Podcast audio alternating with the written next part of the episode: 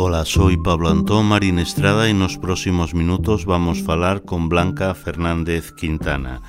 Graduada en estudios clásicos y románicos, con minor en asturiano, docente de secundaria, fue una nena que deprendió a soñar con la fantasía de los cómics, los mangas y los libros que otros imaginaron. Ahora, y ella la que imagina y cuenta historias para otros con lenguaje universal de la fantasía y na nuestra lengua.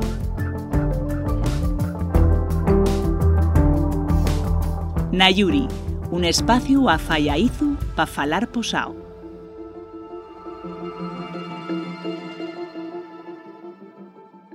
Bueno, eh, bien llegada Blanca Nayuri. Eh, vamos a hablar contigo de un poco de, la tu obra y del tu trabajo. Eh, en el Tokasu dice siempre que detrás de cualquier escritor o escritora eh, hay en antes que nada un lector, en el Tokasu una lectora. Eh, ya Sina, o sea, tú, digamos eso, en antes de, de que decidieres escribir y contarle estas historias, eh, eres una nena que, que se somorgueaba, digamos, en las fantasías, en las historias que otros crearan, y eso fue lo que te abrió el camino a la literatura. A ver, yo escribo cuentos desde pequeña a pequeña, por decirlo de alguna manera, pero yo entamé un poco por un, pero un camino un poco distinto que los demás, porque entamé yendo cómics y mangas. Entonces, cuando yo era muy pequeña, no me prestaba nada ayer y sí que a partir de los cómics, pues bueno, hay un montón de, de mangas, de cómics, etcétera. Y después, a partir de eso, pues pasé ayer obras de fantasía, ciencia ficción y terror, que ya era un poco lo que lo que se unía es al tipo de cómics que yo leía y entonces sí que a partir de ahí también a ser una lectora que, vamos, pasé de non ller casi a ller muchísimo. Esto estoy falándote con 10, 11 años, eh? non, lle, non foi de adulta, pero sí, yo creo que, que todo lo que lleí y los autores que, que me presten que me influyen mucho. Uh -huh. Y en esas primeras historias a las que aludías, que hacías ahí de, de niña, que empezabais también a contar, que hieren, digamos, historias escritas o dibuixadas? Pues de todo un poco, yo creo los que... nenos a veces, y el Sí. lenguaje primero que tienen, ¿no? Del dibujo combinado. Sí, tuve, tuve algunos intentos, bueno, intentos, ya sabes, intentos de neña, de, sobre todo de hacer, pues, de algún cómic, de alguna viñetuca, de alguna, sí, alguna historietuca muy, muy pequeña, pero sí que pues ya pasé a escribir normal. Ujú.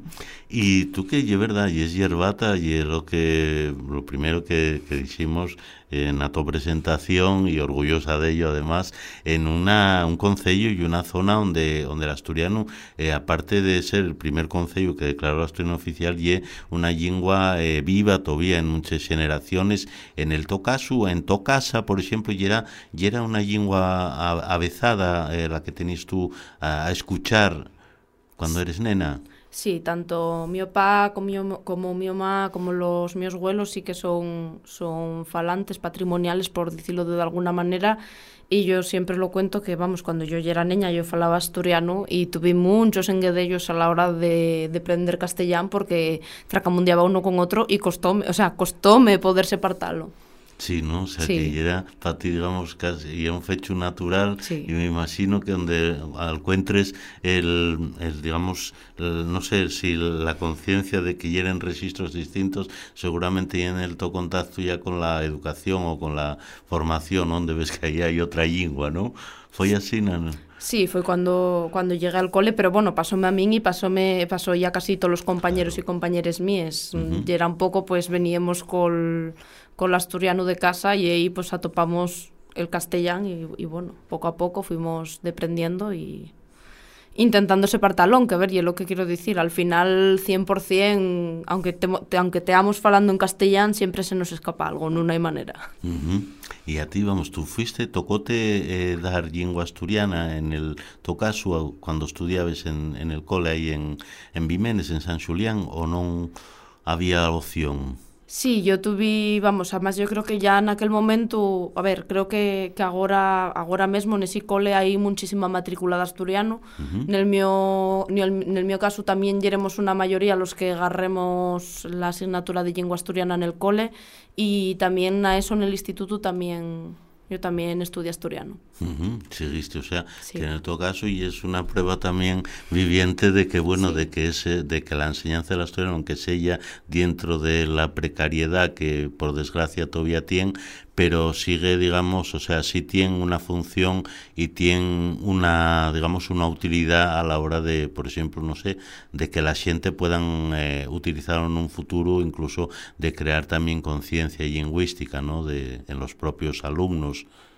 Sí, sobre todo eso y lo que si noto, por, por ejemplo, bueno, pues con los con la mi abuela, que es la que me queda viva, eh, ella fala asturiano completamente, pero a la hora de escribir ella escribe castellano.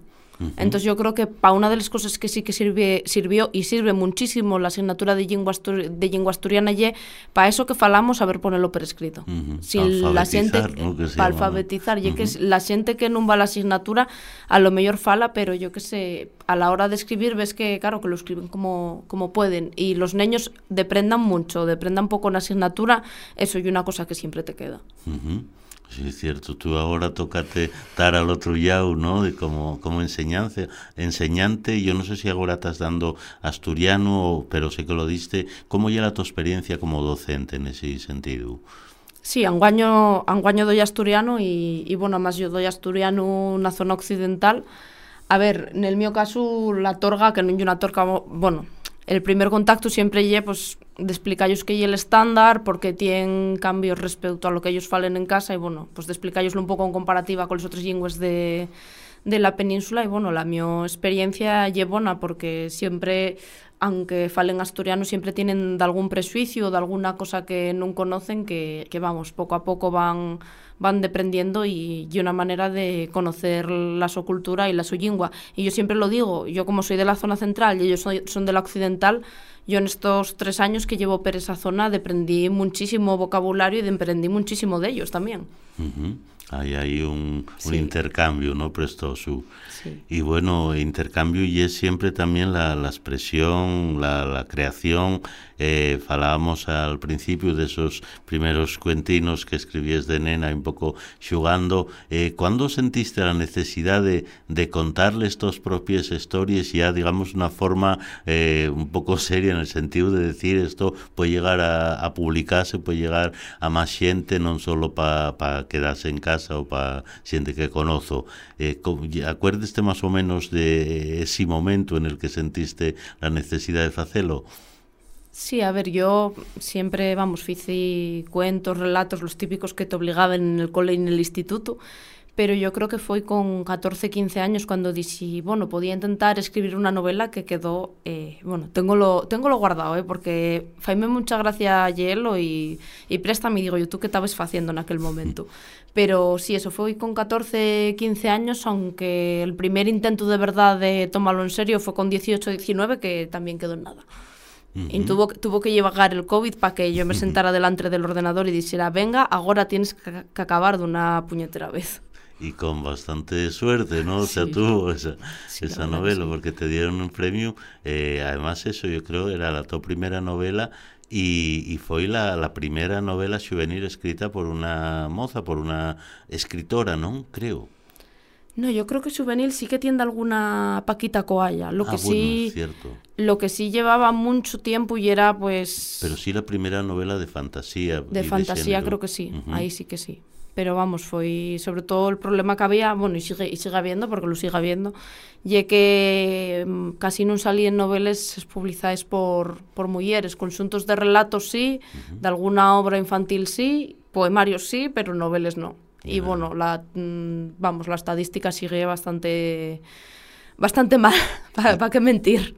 ¿Y por qué crees que es eso? Y una cosa rara, ¿no? Porque si hay, hay mujeres que escriben poesía, eh, incluso decías eso, y es verdad, eh, incluso literatura más que juvenil, infantil, si hay de alguna otra autora, pero la, la novela o la narrativa larga en Asturias, ¿por qué puede ser? ¿Hay alguna, tenemos alguna maldición o alguna cigua? Eso lle una pregunta en sin respuesta. Hai xente que, que diz que lle porque... Bueno, para min isto lle falso, vale? Diz que lle porque les mulleres tenemos menos tempo para ponernos a escribir e, e que si lle que mm, priorizamos outras cosas, pero a ver, yo lle lo que digo, un poemario tamén lleva tiempo facelo. Y non lle solo, yo creo que non lle solo narrativa, tamén en xéneros mm, como el ensayo hai pocas mulleres. Uh -huh. Porque yo la verdad que col tema del teatro non sé, porque como muchas veces va al través de compañías, non te sabría decir, pero en el ensayo también hay muy pocas. La respuesta de por qué hay pocas, la verdad que que yo desconozco. La. Y también es verdad que hay una, bueno, si mires los premios literarios, también hay una minoría de mujeres frente a los paisanos. El motivo, pues, tampoco tiene una explicación clara, por decirlo de alguna manera. pero también a lo mejor igual sí está relacionado con la propia educación. Si hubiese, digamos, una enseñanza generalizada en asturiano, desde luego las posibilidades estadísticas aumentarían, ¿no? Sí, sí, eso está claro. Y si hubiera una enseñanza generalizada del asturiano, pues tendríamos mucha más variedad de géneros, más variedad de, de temáticas y de estilos que, a ver, en asturiano está haciéndose mucho, pero todavía queda mucho por hacer. Uh -huh. Novela romántica no hay mucha, hay de algún ejemplo, novela de terror hay también pocos ejemplos y un montón de géneros más que de juvenil tampoco hay tanto, si mires la proporción. Hay un montón de géneros y de y de noveles que non tenemos. Hablando de xéneros, vamos, eh, tanto la to primer novela como les posteriores y, que todos además falamos de suerte, hai que dicir que tamén non foi el primer premio y todavía estamos ahora en el momento que estamos grabando esta conversación eh, de recibir el premio Ostana en Italia eh, a, una novela escrita en, en lengua asturiana. Eh, pero estos géneros fueron siempre o, digamos apuestes por los que a ti te gustaban como lectora son los de eh, los géneros por decirlo de alguna manera generalizada eh, de la imaginación o sea con todo lo amplio que pueda ser eso no sé ya fantasías ya eh, bueno, no hay en todo caso de terror o pueda ser tal, pero vamos, todo este tipo de géneros que apelen a la, a la fantasía y a la imaginación tanto de los lectores como de los propios creadores. Eso, digamos, tú tenías lo claro también que ya eran las historias que queréis contar, tenían que ser esas que a ti te atraen como lectora. Sí, yo tenía lo claro porque el fecho de, de que yo estudié asturiano en primaria y secundaria, eh, lo que me amosó oye que no había mucho. Entonces, como no había mucho, yo para recurrir al género que me gustaba ayer o a las historias que me gustaba ayer, siempre tenía que acabar pues en las traducciones del castellano. Entonces, pues, un de los enfotos míos ye pues hacer eh, noveles de ese género y sobre todo juveniles, pues para que, pa que lo que yo no tuve cuando yo era estudiante. Porque yo acuérdame, pues sí, de leer Fontenebrosa de Vicente García Oliva, de leer Caos de Dolfo Camilo, pero fuera de ahí, claro, ya me tamaba ver poco. Entonces, claro, yo llegó un momento en el que ya allí casi todo lo que podía pillar. Entonces, pues, ahora sí que tengo yo lo en foto, pues, de hacer lo que, lo que a mí me presta, porque, bueno, yo sé que en estas generaciones actuales también yo os presta lo mismo, entonces.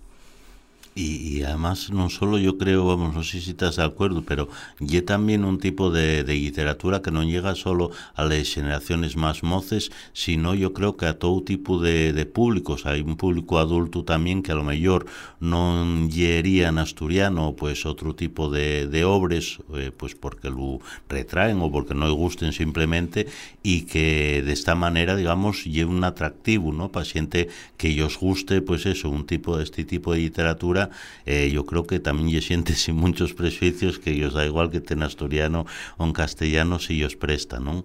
Sí, eso sí que me... Oye, una cosa de la que me decaté que, que bueno, incluso siente que non fala asturiano, yo cuando saqué, cuando saqué les noveles, pues bien, porque fueran conocidos o lo que fuera, sí que les vieron y para ellos non foi unha torga que tuvieran un asturiano. Tuvieron que agarrar el diccionario para algunas palabras, pero, pero llegaronlo en asturiano y, y vamos, que ellos dio igual al final. Uh -huh. Entonces, y una manera de haber lectores nuevos también. Claro, algo fundamental, me imagino, sí. cuando tenemos una lengua en estas condiciones, sí. ¿no?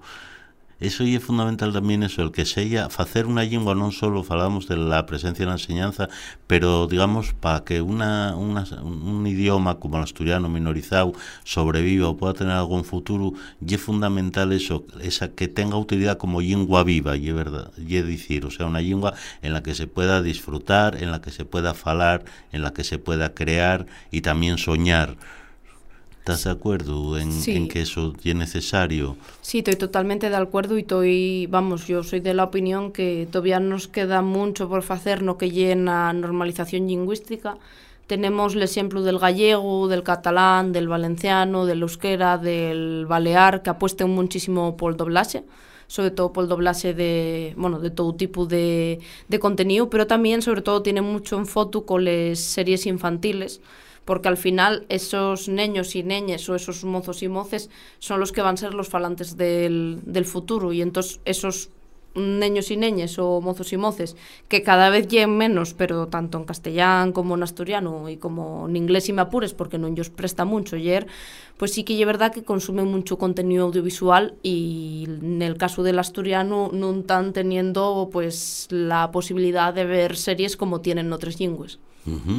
Tú tienes también experiencia, digamos, en redes sociales, en, en, en lenguajes, por ejemplo, eso como, como el de YouTube, eh, no sé si de TikTok, pero en YouTube tenías, eh, va tiempo ahí aquel espacio en Play Presta, ¿no? Un poco enfocado a, también a público juvenil sobre contenidos de cosplay o de, vamos, del mundo, digamos, de anima, todo este universo eh, que llegaban a mucha gente. Eso yo no sé si crees también, o sea, no sé si tienes en foto, en volver a, hacer de algo asemillado, pero parece importante también llegar con ese tipo de contenidos generales y a través de medios que, que con los que están, digamos, en contacto permanente la, la gente más mozo y sobre todo los, los, los nenos y les nenes que vienen detrás. Sí, yo creo que es muy importante y de hecho, bueno, yo cuando, cuando entamaron con Play Presta, un poco, bueno, en antes de que tuviera yo y tal, yo ya yo os lo dijera que para mí, vamos, era dar un paso muy grande el poner el asturiano en YouTube porque el YouTube no oye que lo vea gente de Asturias o que lo vea gente de España, y que lo acaba viendo gente de fuera, que a lo mejor quiere buscar información y atopa pues esos programas. La labor que hizo Play Presta para mí es muy importante y bueno, eh, guai podo dicilo que, vamos, como profesora eh, tamén foi unha ferramenta pues, pois, para los que somos docentes, vamos, bonísima el fecho de poder enseñaros de, oye, esto está facéndose en YouTube, está facéndose en asturiano, podéis usar esta lingua igual que usáis el castellán. E ya na mi experiencia no que no que fice yo sí que creo que cosplay presta llevó a pues a mozos que a lo mellor os prestaban los videojuegos o el cosplay o el K-pop un contenido que no esperaban ver en asturiano y que fue como si yo reseteara algo en la cabeza en plan de, bueno, el asturiano también lo puedo usar para eso. Y, vamos, para mí es importante y, y nada más vuelva a tener más tiempo libre, espero poder volver, vaya. Sí, ¿no? Y sí. hay, por ejemplo, antes falabas de Galicia, hay en, en, Galicia ahora hay, por ejemplo, un espacio, en, vamos, un canal en, en, en TikTok sobre la lengua, que es más bien divulgativo, de, de, sí. de, divulgar la propia lengua, con un éxito extraordinario y que llega, vamos, a, a toda clase de gente sin tal. Eso sería también interesante hacer de algo eh, en asturiano en ese sentido, o sea, que, que fuese, por ejemplo, contenidos de eso, de como hay faen de tanto a, a más útil útiles porque enseñen tanto pues cuestiones eh, normativas como, como de uso correcto y a la vez eh, conecten con, con esa gente. ¿De algo así no crees que podría tener también eh, sentido en, en Asturias hoy en día? Yo creo que podría tener mucho, mucho sentido, por lo que te digo, no solo para Asturias, sino también para fuera de Asturias. Uh -huh. TikTok y una herramienta en la que además yo conozco la bono medianamente bien, eh, si se viraliza un vídeo, puede tener visites, visites y visites y visualizaciones mmm, y va a llegar a xente que a lo mellor nun, en YouTube non va a llegar y bueno, mucho menos per escrito pues un, como un libro de literatura. Entonces yo creo que é per importante, sobre todo porque esta generación nueva, igual la mía foi máis la de, la de YouTube, muévense por TikTok hasta el punto que a lo mellor non te saben el nome dunha canción e sabente el nome col que está registrado unha plataforma e ellos non conocen el cantante pero poden buscarte el vídeo exacto en el que sal. Sí, sí, sí. Entón yo creo que é unha forma de normalización, vamos. Eh, sencilla de usar porque además es muy intuitiva y que, y que puede furrular muy bien con los chavales. Y por volver a la, a tu obra literaria, eh, la tu inspiración, aparte, digamos, de en los eh, universos clásicos de la fantasía, eh, nutrese también, y hiciste lo ellos de estos sobres, de la propia tradición asturiana, y es decir, de, de, la, de la nuestra mitología, de los seres fantásticos que también eh, se crearon ahí y que se fueron transmitiendo en la cultura oral. Eh, es y un reto también, vamos, supongo, estético y, y prestoso de, de hacer, ¿no? el incorporar seres ahí que, que dio también a nuestra imaginación colectiva, a la historia.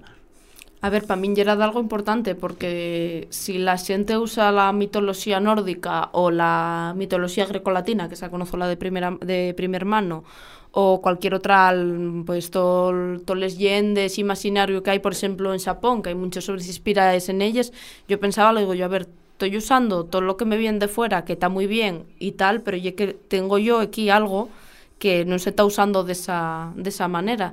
A min la mitoloxía llegoume pois, polos cuentos infantiles, poles, poles clases de asturiano ales que, ales que fui, e a min contáronmelo, vamos, como yo digo, como un cuento de fades, de todos son moi bonos, el, etcétera. Yo cuando, cuando crecí y entamé pues ayer un poco más, entamé a conocer todas las investigaciones de Berto Peña, yo dije, madre mía, que me contaron una mentira. Entonces, a partir de ahí, bueno, pues por influencias que puedo tener yo como escritora, como puede ser Neil Gaiman, que sí que trabajo mucho la modificación pues de todo lo que son las religiones, los dioses y las creencias y, y todo tipo de seres, porque yo creo que, vamos, no dejo religión en sin tocar. ese paisano, pois pues, sí que dixi, voy a intentar facer algo distinto tamén con la mitoloxía. E, bueno, aparte de no que cinca los seres de leyenda, sí que tengo algún proyecto con más asperei de, de mitoloxía, porque, vamos, parece una fonte pero importante e, sobre todo, moi anovadora que nunca casi usada. De verdad. Y que también amuesa un poco la riqueza que tiene a veces eso, que tiene a veces no, que tiene la cultura popular, ¿no? Que a veces refugamos ahí como que llega algo de ahí de, segundo nivel o algo así, y, y muestra también la, la siente, como la siente normal y corriente de, de, pues podía crear e imaginar cosas y sean pa, con fines de, digamos, de aleccionar para que la gente tuviese miedo o para que no hiciese determinados comportamientos sociales, pero a la vez también de fantasear y de, y de mm, soñar otras realidades más allá de la que vemos todos los días, ¿no? Algo que es universal en todos los pueblos del mundo, ¿no?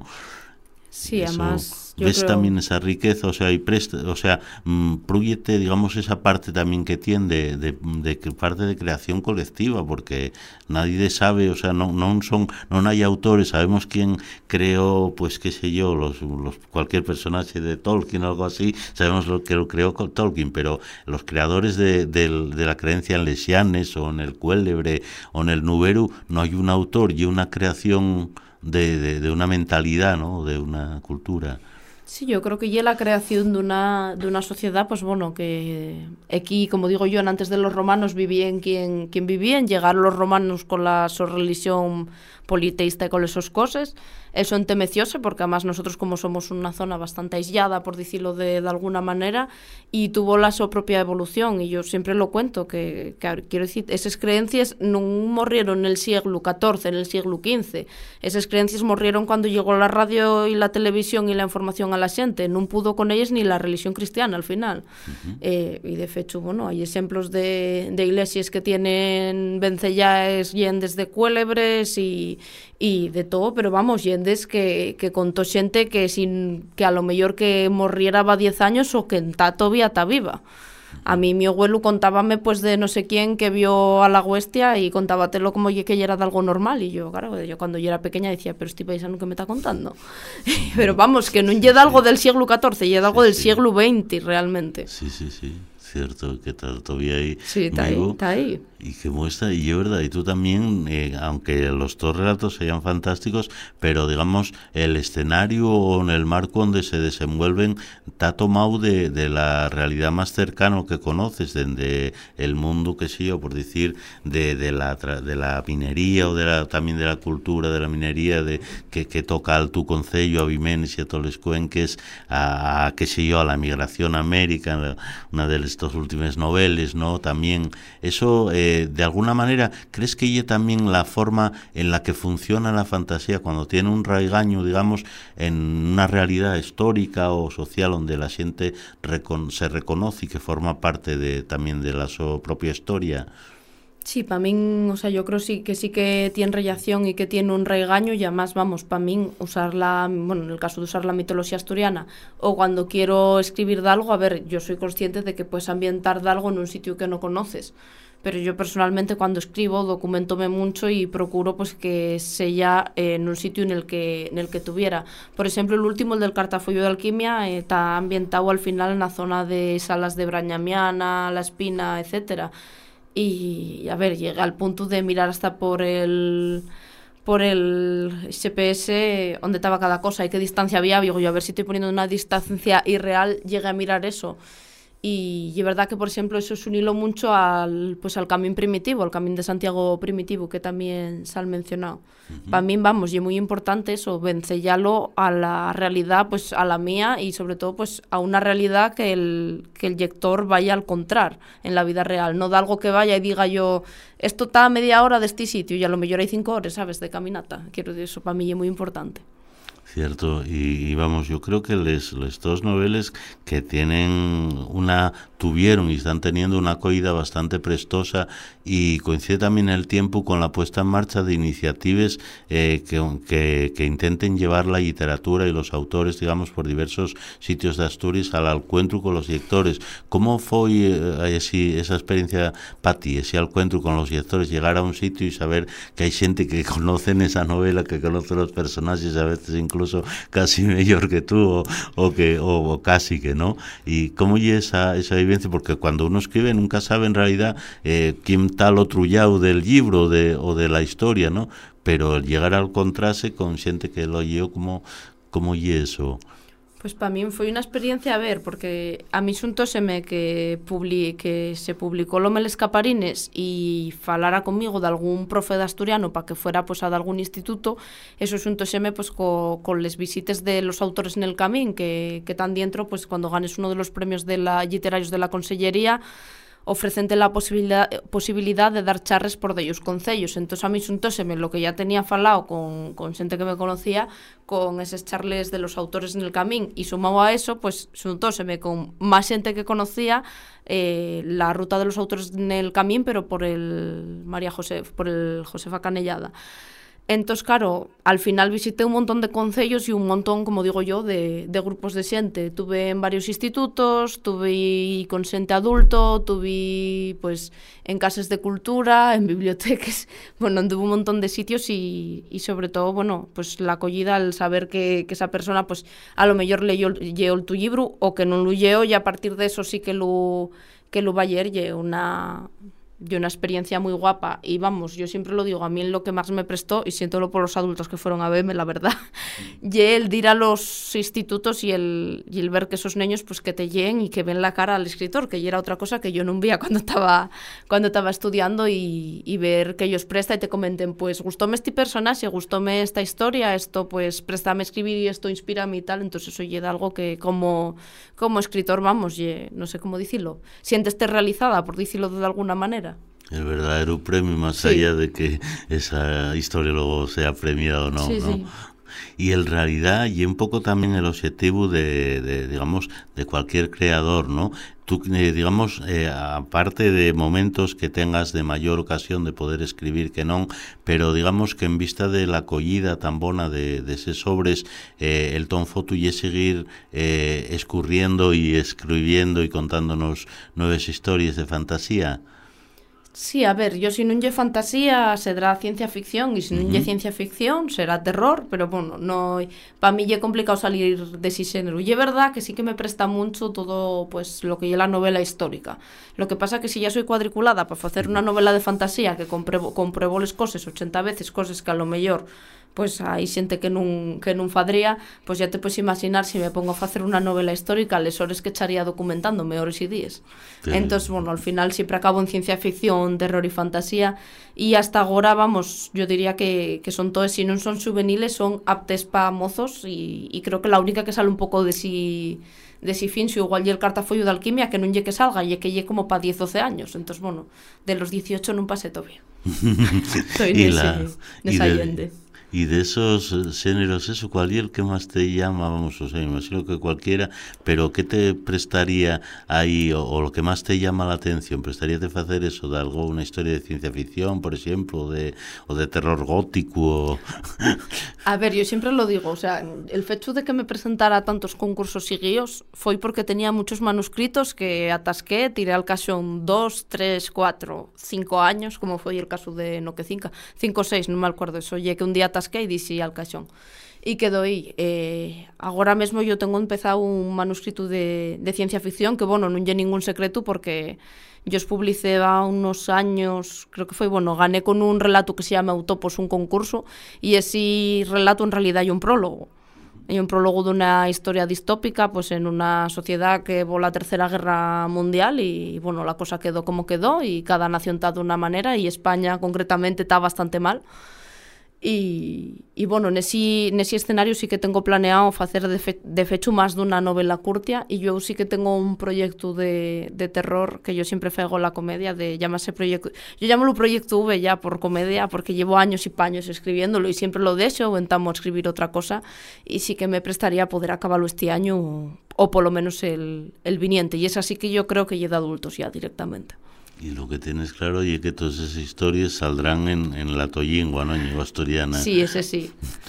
Eh, Eutopos originalmente el relato, a ver, la novela sí que la también en asturiano, el relato casualmente cuando gané gané en castellano, pero después sí que vamos, nada más gané, pasaría un año o dos y ya hice una traducción al, al asturiano, que salió una versión, salió en el comercio, y otra salió en Fecho en Cuarentena, que hay una recopilación de relatos.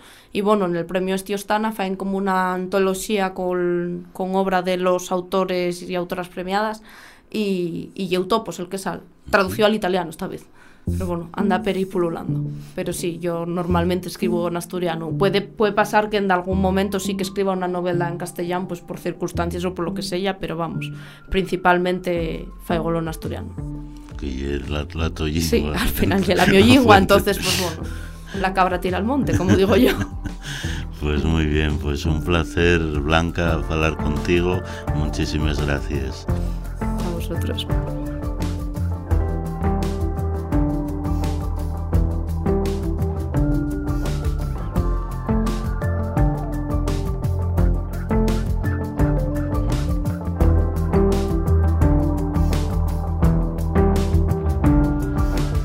Nayuri, un espacio a Faiaizu para falar posao.